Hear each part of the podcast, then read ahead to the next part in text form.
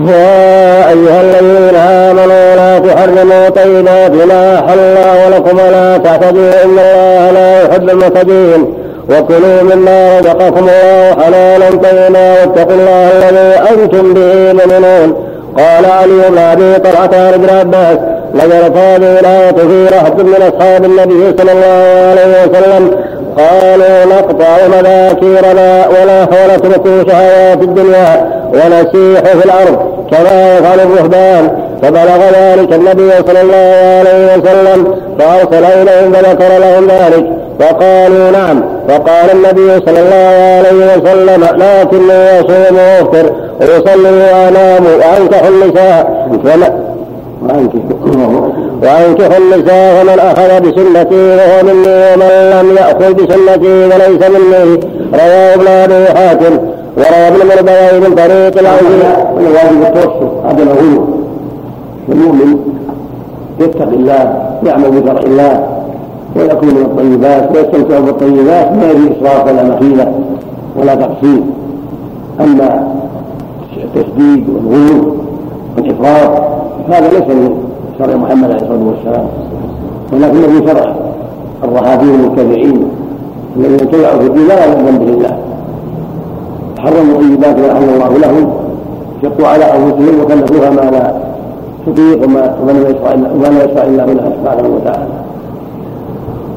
ولهذا أنكر النبي هذا على من أراد من الصحابة من أرادوا ان ينخلعوا للعباده وأن يتمثلوا في العباده وأن يدعوا الطيبات وان يدعوا النكاح. حتى أن بعضهم بالاختصار انكر عليه وبين الله عليه الصلاه والسلام أن الدين لا هذا ولا هذا لا الجفاء ولا ولا الغلو ولكن بين ذلك الوسط. مثل ذلك جاء الناس مثل صفا ولكن يصلي وانام وأصوم وأفطر واتزوج النساء وآكل اللحم. الا في اللحم وانام وعلى فراش فمن من غيب عن سنتي فليصلي فالسنه هكذا ادعو ما وجد الله وترك ما حرم الله. قبول ما رخص الله فيه وأباح. وعدم الافراط وعدم التحريم عدم الغلو وعدم الجفاء. ولكن بين ذلك نعم غير نعم. غير ما ينبغي. ينبغي أن يتزوج وأن لا يشرع له لا طلب علم ولا غيره. إلا إذا كان عند الشهوة هذا شيء آخر. لا النكاح لا ينبغي صلاة شهر والرسل والأنبياء والأصحاب والصحابة هم أفضل الناس. ومن شغلهم ذلك عن الزواج. نعم. نعم. الإكثار من الطيبات من حسن نعم. الإكثار من الطيبات من الوسط في الأمور. لا ينبغي أن يكثرها عما هو أهم الأمور أوساطها نعم.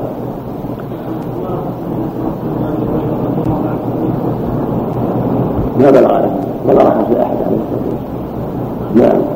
ولا تزوج العيال نعم. وروى ابن مرضوي من طريق العوفي عن ابن عباس نحو ذلك. وفي الصحيحين عن عائشة رضي الله عنها أن ناسا من اصحاب رسول الله صلى الله عليه وسلم.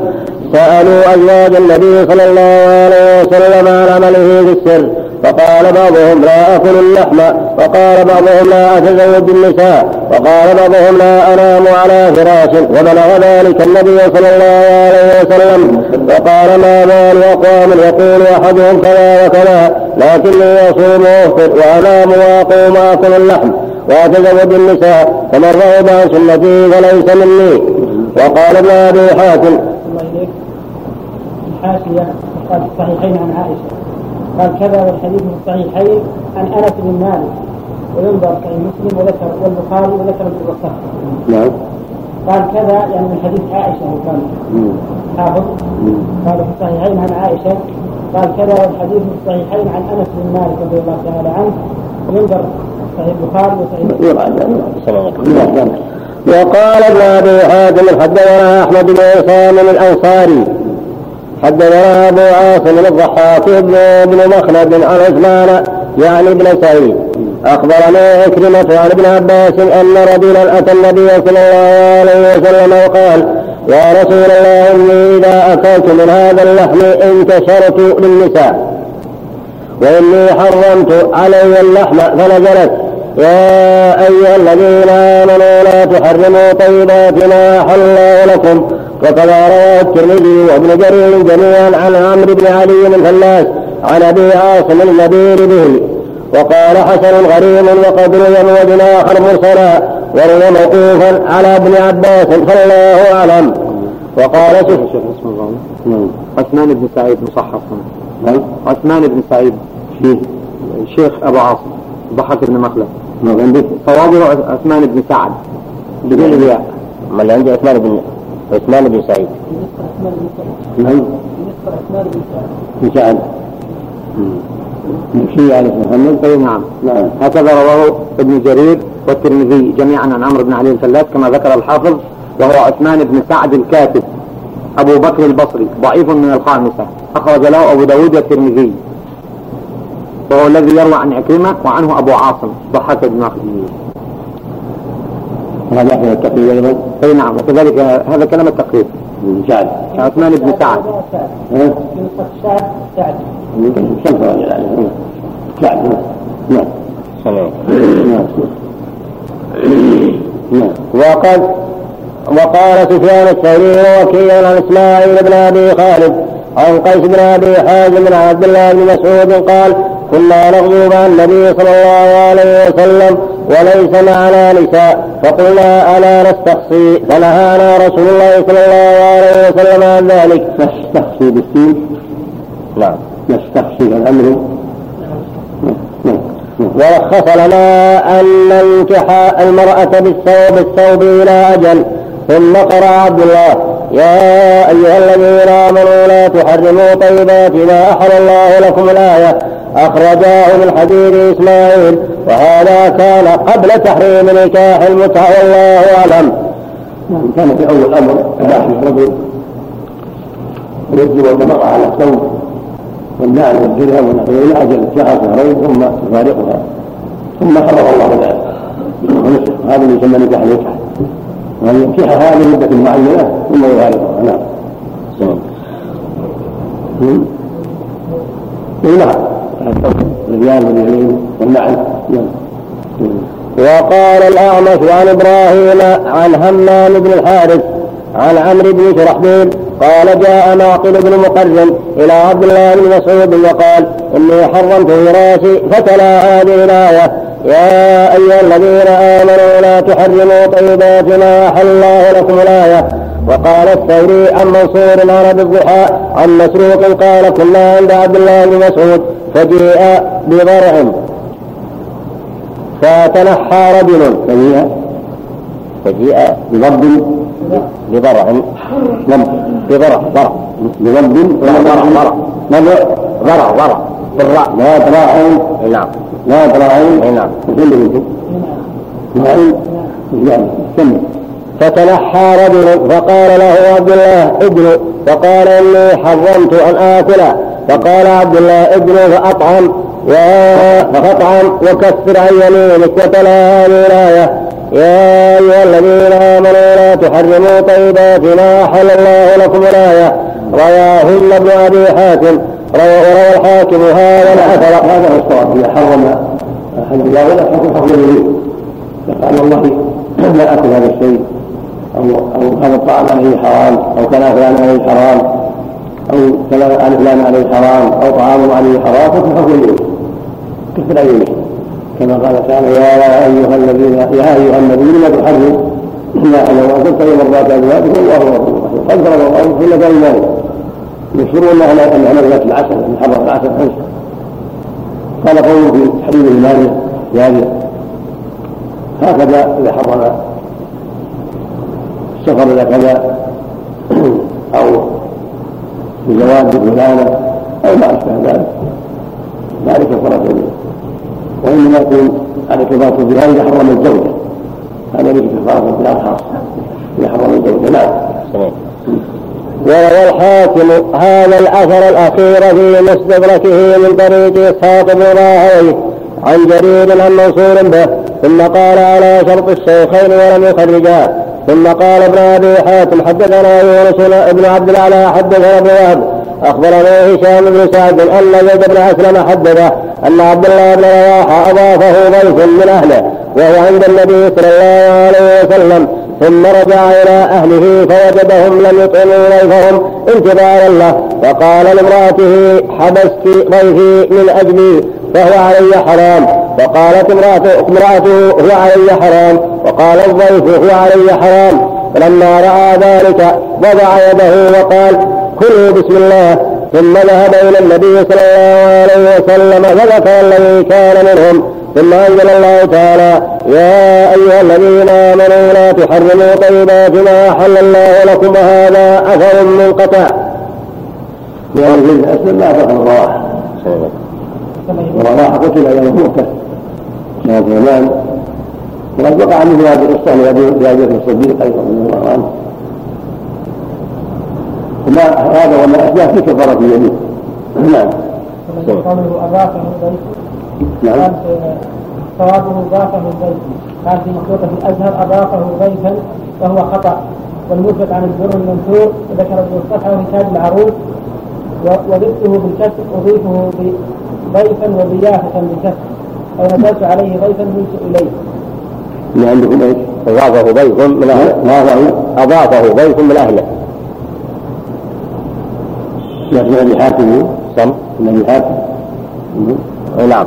قال ابن أبي حاتم حدثنا يونس بن عبد الأعلى حدثنا ابن وهب أخبرني هشام بن سعد أن زيد بن أسلم حدثه أن عبد الله بن رواحة أضافه ضيف من أهله. في مخطوطة الازهر اضافه ضيفا وهو خطا. يستعمل الله له ضيف نزل به غيره لا يستعمل اضافه ونزل به. نعم. موجود عند ابن جرير يا شيخ حفظك الله موجود حفظك الله عند ابن جرير بنفس الإسناد أيضا بإضافة بدون الهمزة. إضافة عبد الله بن رواحة بن رواحة ضيف. بدون الهمزة. في القاموس في اضافه يستعمل اضافه في القاموس لا وزارة الضاد نعم. صحيح. وفي صحيح البخاري في قصة الصديق مع أضيافه شبيه بهذا وفيه وفي هذه القصة دلالة لمن ذهب من العلماء كالشافعي وغيره إلى أن من حرم مأكلا أو ملبسا أو شيئا ما عدا النساء أنه لا يحرم عليه ولا كفارة عليه أيضا.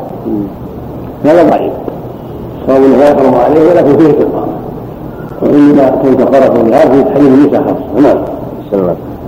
إليك قال وضاق المال فتبيت وضيف وأضفته أملته وأضفته أملته وضيفته وإليه ألجأته ومنه أشفقت وحذرت وعدوت وأسرعت وفررت وأشفقت والمضاف في الحرب من أحيط به. والملزق بالقول والدعي المسند إلى من ليس منهم. والملزق والمستضيف المستقيم انتهى. كيف هو جزء؟ قال آه وضاف مالا. فتضيف وضيف وأضفته أملته. هذا هو المادة كلها؟ لا. أولها أولها الضيف للواحد والجميع. وقد يجمع على أضياف وضيوف وضيفان وهي ضيف وضيفة وضافت تضيف وضافت تضيف حاضر. وهي ضيفة حائض. وضفت أضيفه ضيفا وضيافة بالكسر. نزلت عليه ضيفا فتضيفته والضيف هذا هو وضفته أي نعم. أضيفه ضيفا أضيفه. ضفته أضيفه أضيفه ضيفا وضيافة بالكسر. نزلت عليه ضيفا هذا ما لا لا لا لا. فتضيفته لا. والضيف فرس من مسجد الحروم. لا وعلم. وبالكسر بس خلاص لا فلا لا واضح واضح. لا لا لا. لا واضح ما في ألف نعم مثل عبد الجليل في يعني الشيخ محمد. واضح. نعم. نزلته واخر وجهه نزل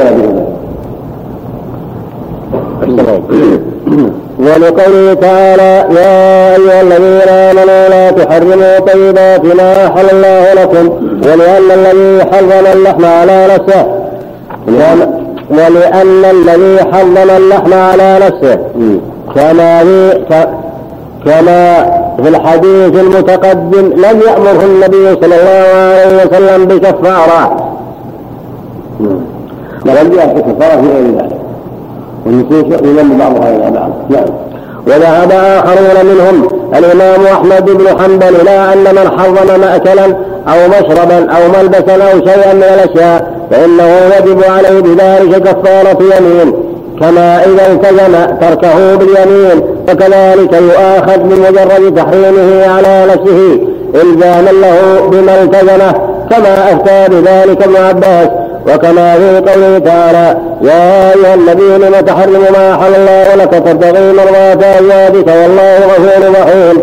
ثم قال قد فرض الله لكم تحلة أيمانكم الآية وكذلك ها هنا لما ذكر هذا الحكم عقبه بالآية المبينة بتكفير اليمين فدل على أن هذا منزل منزلة اليمين في اقتضاء التكفير في اقتضاء التكفير والله أعلم. وقال ابن جرير حدثنا القاسم وحدثنا الحسين. لازم الموقف لأن الدرس هذا هو آخر الدروس لأن الناس إلى مكة الإنسان من الشمس تعلم عليه الموقف الشمس صغر يوم صغر المغرب.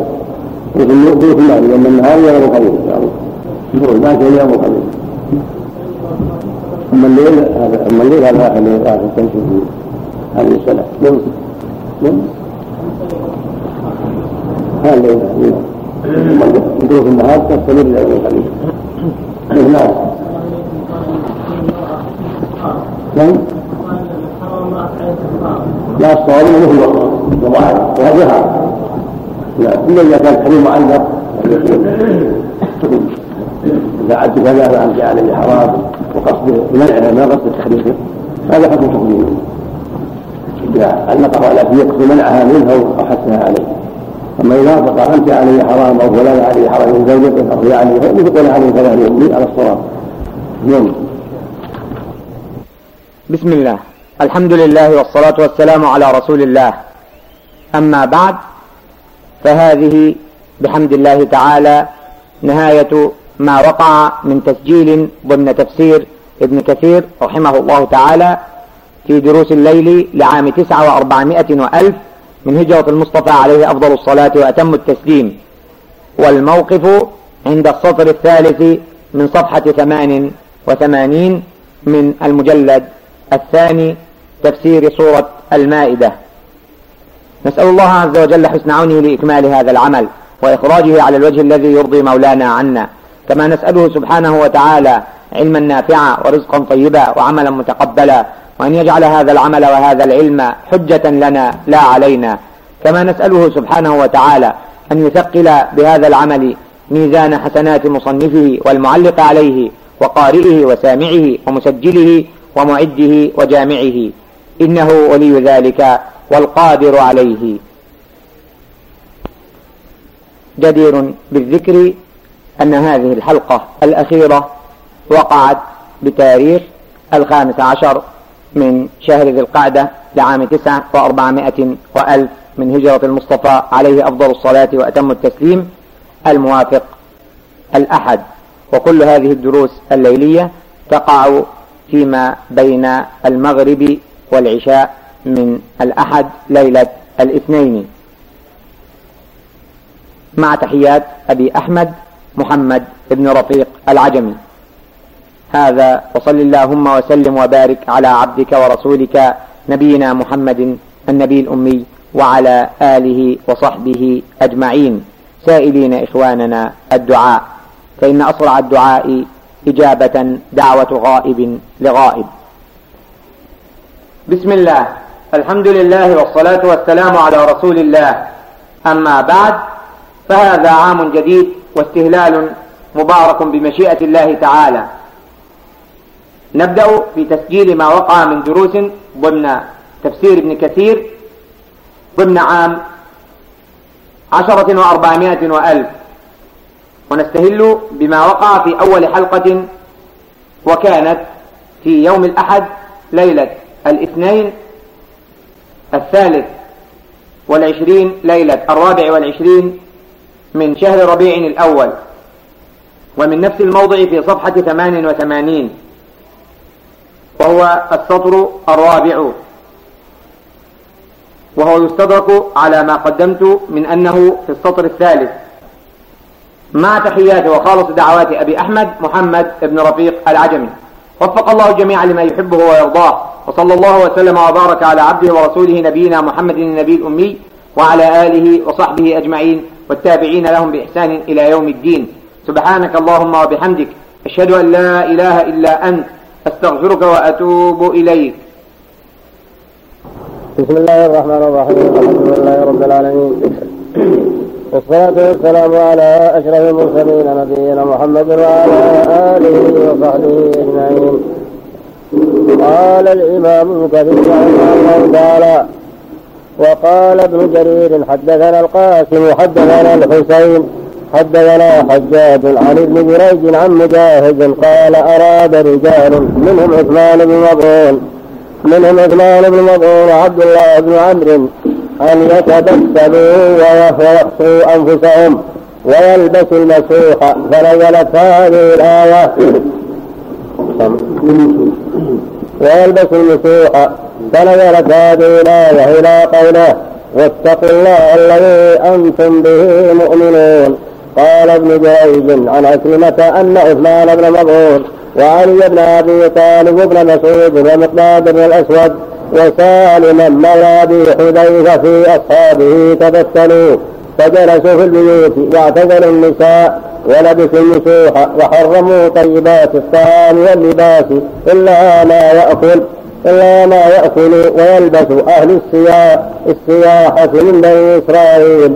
وهموا بالإخصاء وأجمعوا قيام وأجمعوا لقيام الليل وأجمعوا لقيام الليل وقيام النهار. ونزلت هذه الآية يا أيها الذين آمنوا لا تحرموا طيبات ما أحل الله لكم ولا تعتدوا. إن الله لا يحب المعتدين.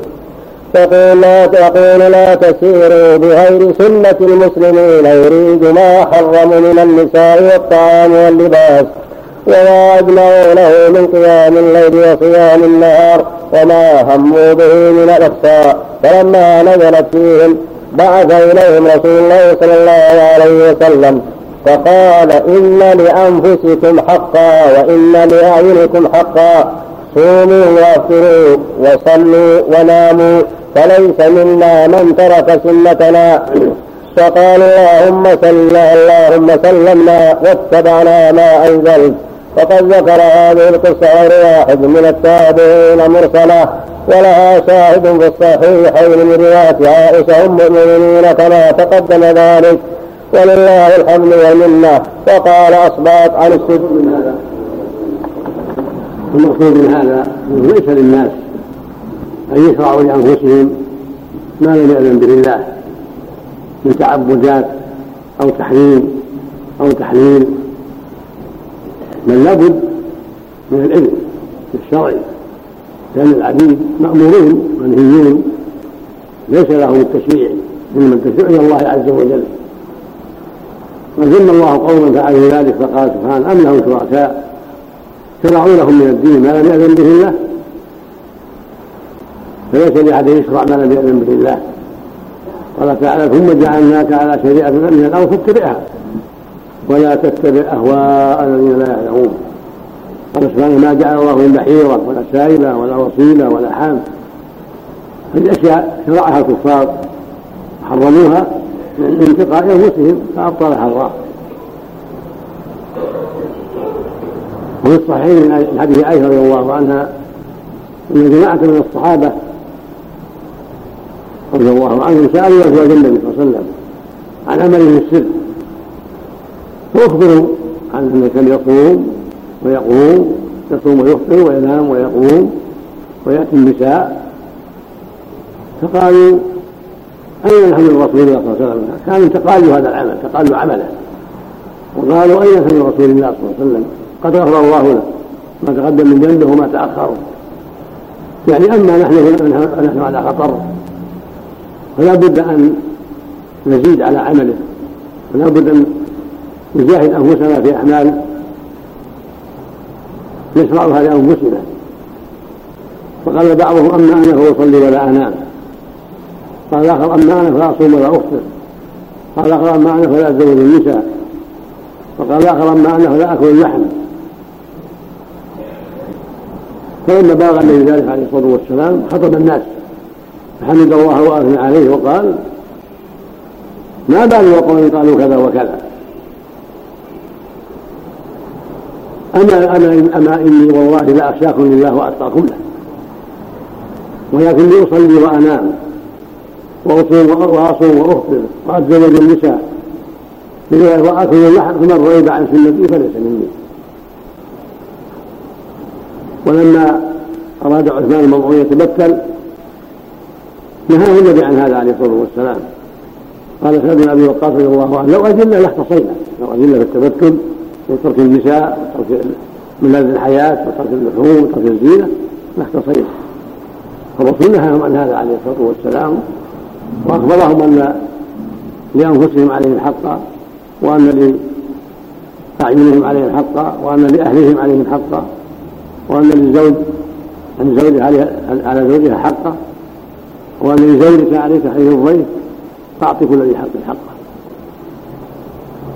وهكذا قال عبد الله بن عمرو لما أراد أن يتمثل قال إن لنفسك عليك حقا ولزوجك عليك حقا ولعينك عليك حقا ولضيفك عليك حقا فأعطي كل ذي حق حقه.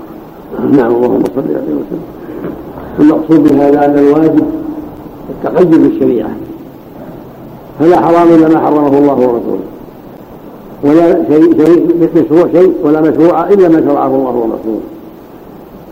ولا حلال إلا ما أحله الله ورسوله فليس للناس يشرعون ولهذا قال جل وعلا يا أيها الذين آمنوا لا تحرموا طيبات ما أحل الله لكم ولا تعتدوا إن الله لا يحب المعتدين. قال سبحانه يا أيها الرسل كلوا من الطيبات واعملوا صالحا. قال يا أيها الذين آمنوا كلوا من طيبات ما رزقناكم واشكروا لله.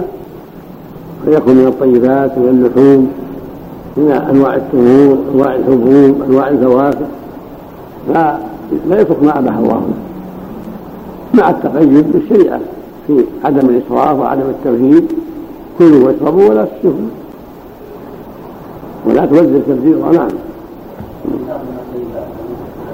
إذا كان ليس على إذا كان من سبيل الإسراف.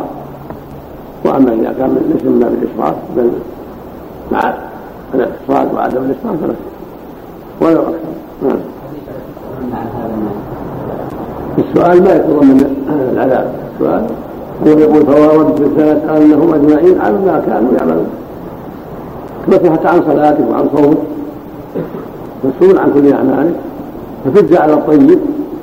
وتستحق العقاب على المحرم. والمقصود من السؤال أن نعيم التذكير. تذكير شكر الله على نعمه واستعانة نعم الله على طاعته الذي اكل تمرا وماء في روايه ان ان الذي استضافوه ذبح لهم شاة وأنتم لهم لحما وتمرا فقال لست لما فروا قال لست عن هذا النعيم يوم القيامه إن هل أديت شكره أو قمت بحقه نعم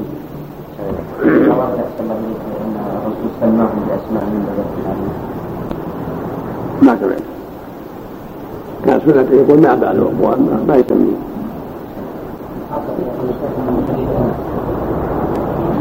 وجاء من حديث عائشة ومن حديث كله. نعم. من حديث انس ومن حديث عائشة. نعم. وقال أصبات عن السدي في قوله يا أيها الذين آمنوا لا تحرموا طيبات ما أحل الله لكم ولا تعتدوا إن الله لا يحب المعتدين. وذلك أن رسول الله صلى الله عليه وسلم جلس يوما وذكر الناس ثم قام ولم يزدهم على التخويف. فقال ناس من أصحاب النبي صلى الله عليه وسلم كانوا عشرة. منهم علي بن ابي منهم علي بن أبي طالب وعثمان بن مظعون ما حقنا إن لم نحدث عملا فإن النصارى قد حرموا على أنفسهم فنحن نحرم. فحرم بعضهم أن يأكل اللحم والودك وأن يأكل بالنهار وحرم بعضهم النوم وحرم بعضهم النساء. فكان عثمان بن مظعون ممن حرم النساء وكان لا يدنو من أهله ولا يدنون منه. فأتت امرأته عائشة رضي الله عنها وكان يقال لها الحولاء وقالت لها عائشة ومن عندها من أزواج النبي صلى الله عليه وسلم ما بالك يا حولاء متغيرة؟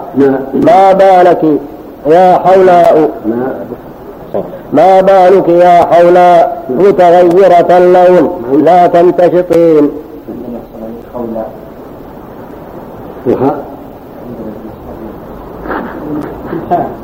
نعم. الحاء فيما خفنا معروف معروف الحوزة معروف الحاء في أول حديث ما خفنا إن لم نحدث عملا نعم. قال ما خفنا إن لم نحدث عملا فإن النصارى قد ما حرموا. ما ما خفنا أو ما خفنا. مم. ما في ذلك إلا إن لم نحدث عملا فإن النصارى قد حرموا عندي الشيخ وش عندك؟ سم. ما خفنا إذا؟ وسلمك الله. ما خفنا ما حقنا حقنا؟ في كلام عليه ما خفنا أحسن. لأن أنذرهم خوفهم لذلك في خفنا يعني ما ما نكون خائفين على الحقيقة إلا إذا حرمنا أشياء كما حرم النصارى في كلام عليه الشيخ في الأصل. هو يناسب السياق لأن السياق في تخويفهم خوفهم ورحبهم من عذاب الله. يعني خفنا أنسى سنين هو في أصله في ابن جرير يا شيخ حفظك الله. أصله في ابن جرير هكذا. قال الشيخ أحمد شاكر محمود شاكر رحمه الله تعالى في المطبوعة ما حقنا. وفي المخطوطة ما حفنا بالحاء. وصواب قراءته ما أثبت هو أثبتها ما أفضل وذلك أن رسول الله صلى الله عليه وسلم خوفهم عقاب الله. نعم. فقالوا لم نبلغ من الخوف مبلغا. يرضاه ربنا. ما خفنا نعم ما خفنا إن لم نحدث عملا. فإن النصارى قد حرموا على أنفسهم فنحن نحرم. فحرم بعضهم أن يأكل اللحم والودك وأن يأكل بالنهار وحرم بعضهم النوم وحرم بعضهم النساء. فكان عثمان بن مظعون ممن حرم النساء. فكان لا يدنو من أهله ولا يدنون منه. فأتت امرأته عائشة رضي الله عنها وكان يقال له الحول يقال لها الحولاء فقالت لها عائشة ومن عندها من أزواج النبي صلى الله عليه وسلم ما بالك يا حولاء متغيرة اللون؟ لا تنتشطين ولا ولا تتطيبين فقالت وكيف أنتشط وأتطيب وما وقع علي وما وقع علي زوجي وما رفع عني ثوبا منذ كذا وكذا قال فجعلنا يضحكن من كلامها فدخل رسول الله صلى الله عليه وسلم وهن يضحكن فقال ما يضحككن قالت يا رسول الله إن الحول سألتها عن أمرها فقالت ما رفع عني ثوب زوجي ثوبا منذ كذا وكذا. فأرسل إليه فدعاه وقال ما بالك يا عثمان؟ ما؟ قال ما وقال ما لك يا عثمان؟ قال إني تركته لله لكي أتخلى عن العبادة وقص عليه أمره وكان عثمان قد أراد أن يدب نفسه. فقال رسول الله صلى الله عليه وسلم أقسمت عليك إلا رجعت فواقعت أهلك. فقال يا رسول الله إني صائم. فقال أفطر. قال فأفطر وأتى أهله فرجعت الحولاء إلى عائشة وقد انتفضت واكتحلت وتطيبت وضحكت عائشة وقالت ما بالك يا حولاء فقالت إنه أتاها أمسي. وقال رسول الله صلى الله عليه وسلم ما بال أقوام حرموا النساء والطعام والنوم ألا إني أنام وأقوم وأفطر وأصوم وأنكح النساء فمن رغب عني فليس مني فنزلت يا أيها الذين آمنوا لا تحرموا طيبات ما أحل الله لكم ولا تعتدوا يقول لعثمان لا تجب نفسك فإن هذا هو الاعتداء. وأمرهم أن يكفروا عن أيمانهم فقال لا يؤاخذكم الله باللغو في أيمانكم ولكن يؤاخذكم بما عقدتم الأيمان. رواه ابن جرير. وقوله تعالى ولا تعتدوا يحتمل أن يكون المراد منه ولا تبالغوا في التضييق على أنفسكم بتحريم المباحات عليكم كما قاله من قاله من السلف. ويحتمل أن يكون المراد كما لا تحرم الحلال فلا تعتدوا في تناول الحلال بل خذوا منه. كما لا ت... ويحتمل أن يكون المراد كما لا تحرم الحلال فلا تعتدوا في تناول الحلال. حرام. التناول حلال كذلك؟ نعم. عنه الحلال؟ نعم.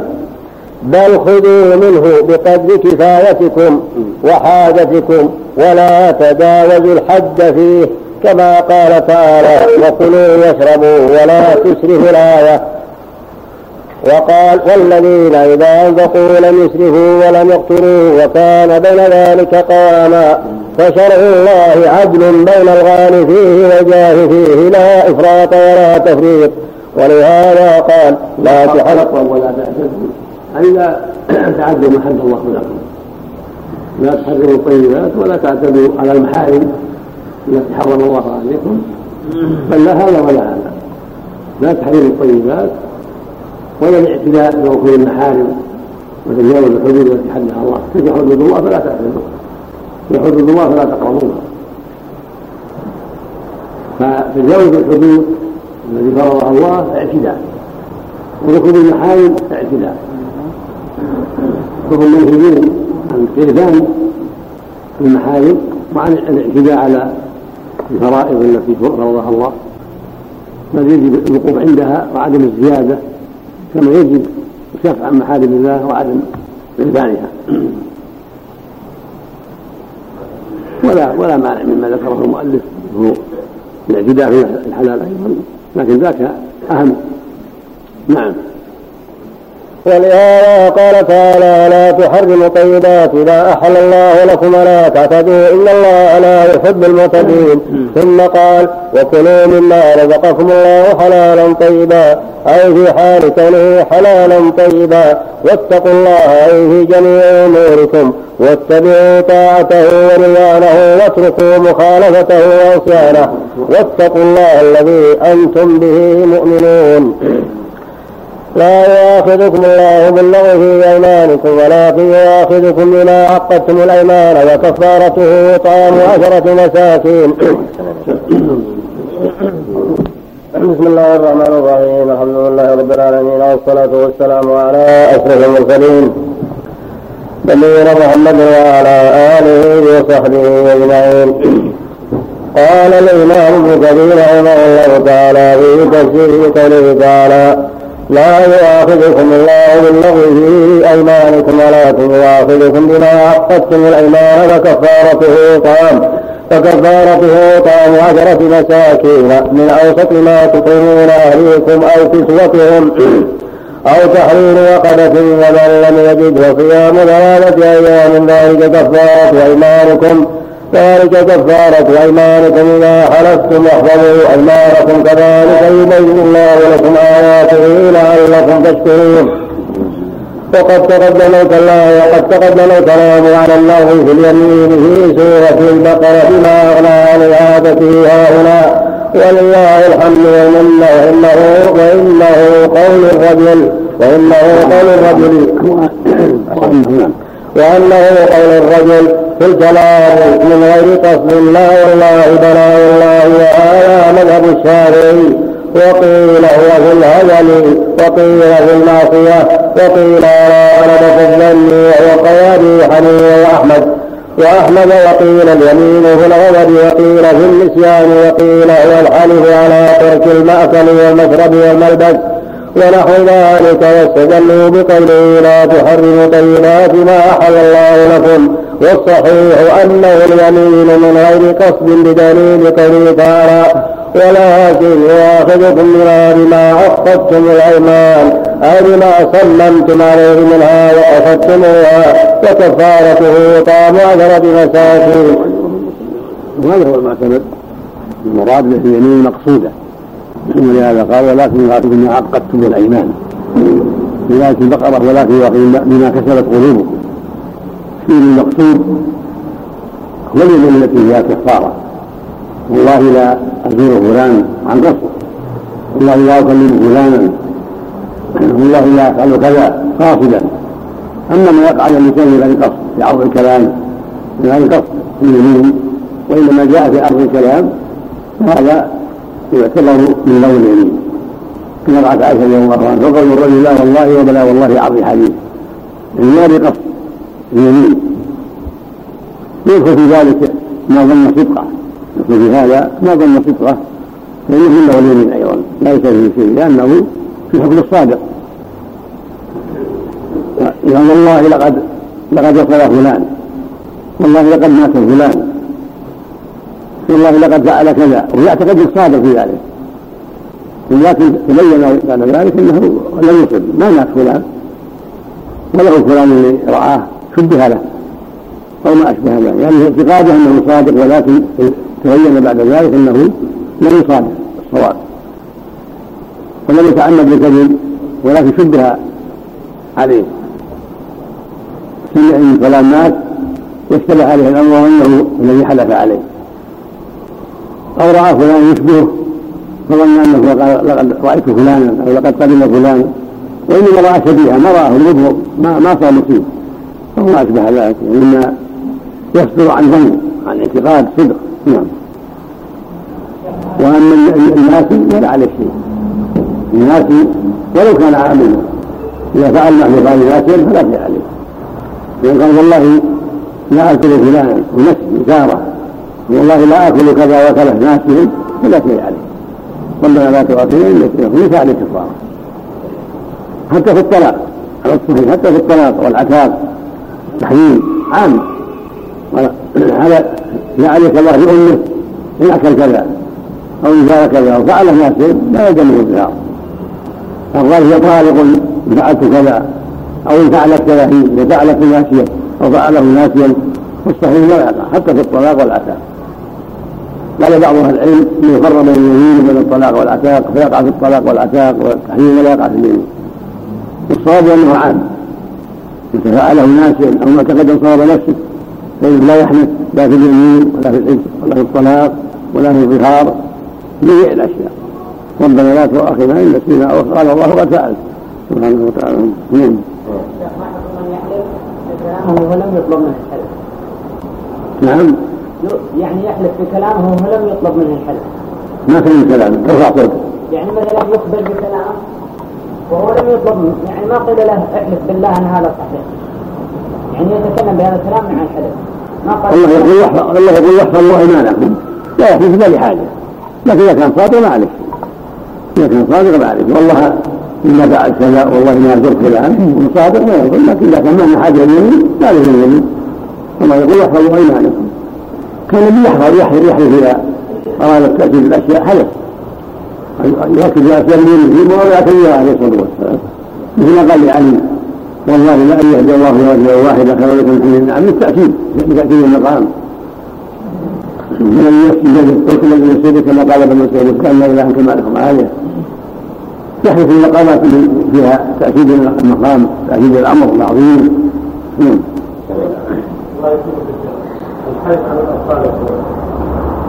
في كم مقصود في كفارة كم من مقصود من كان من جاء اللسان غير قصد ليس في أما يتعمد في هذا يتعمد أو خير متعمد قصد قصدا هذا هي الكفارة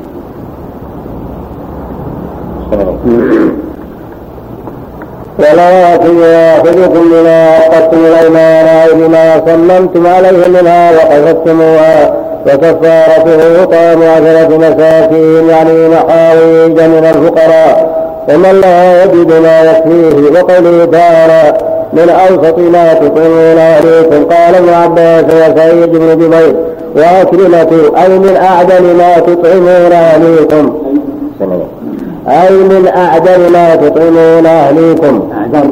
أعدل. العدل. من العدل. نعم.